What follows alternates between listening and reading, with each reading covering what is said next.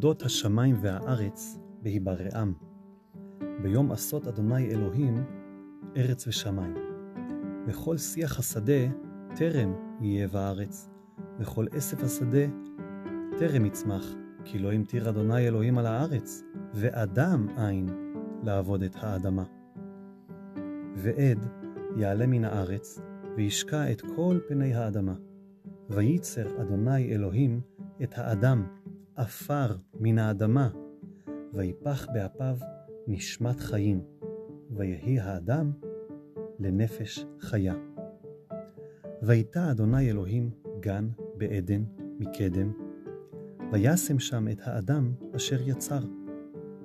ויצמח אדוני אלוהים מן האדמה כל עץ נחמד למראה וטוב למאכל, ועץ החיים בתוך הגן, ועץ הדעת טוב ורע. ונהר יוצא מעדן להשקות את הגן, ומשם ייפרד, והיה לארבעה ראשים. שם האחד פישון, הוא הסובב את כל ארץ החבילה אשר שם הזהב, וזהב הארץ ההיא טוב, שם הבדולח ואבן השוהם. ושם הנהר השני גיחון, הוא הסובב את כל ארץ כוש.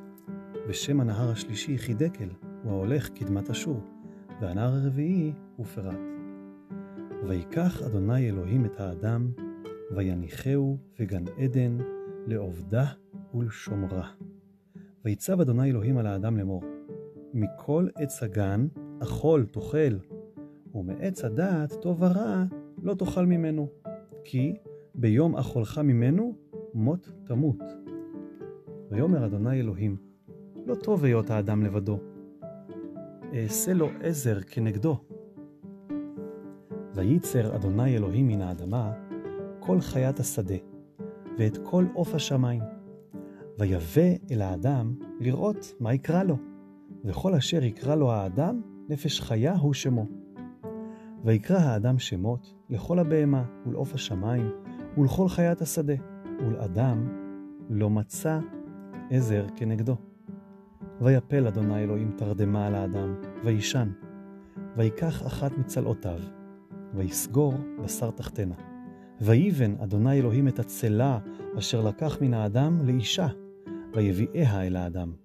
ויאמר האדם, זאת הפעם עצם מעצמי ובשר מבשרי. לזאת יקרא אישה, כי מאיש לוקחה זאת. על כן, יעזוב איש את אביו ואת אמו, ודבק באשתו, והיו לבשר אחד. thank you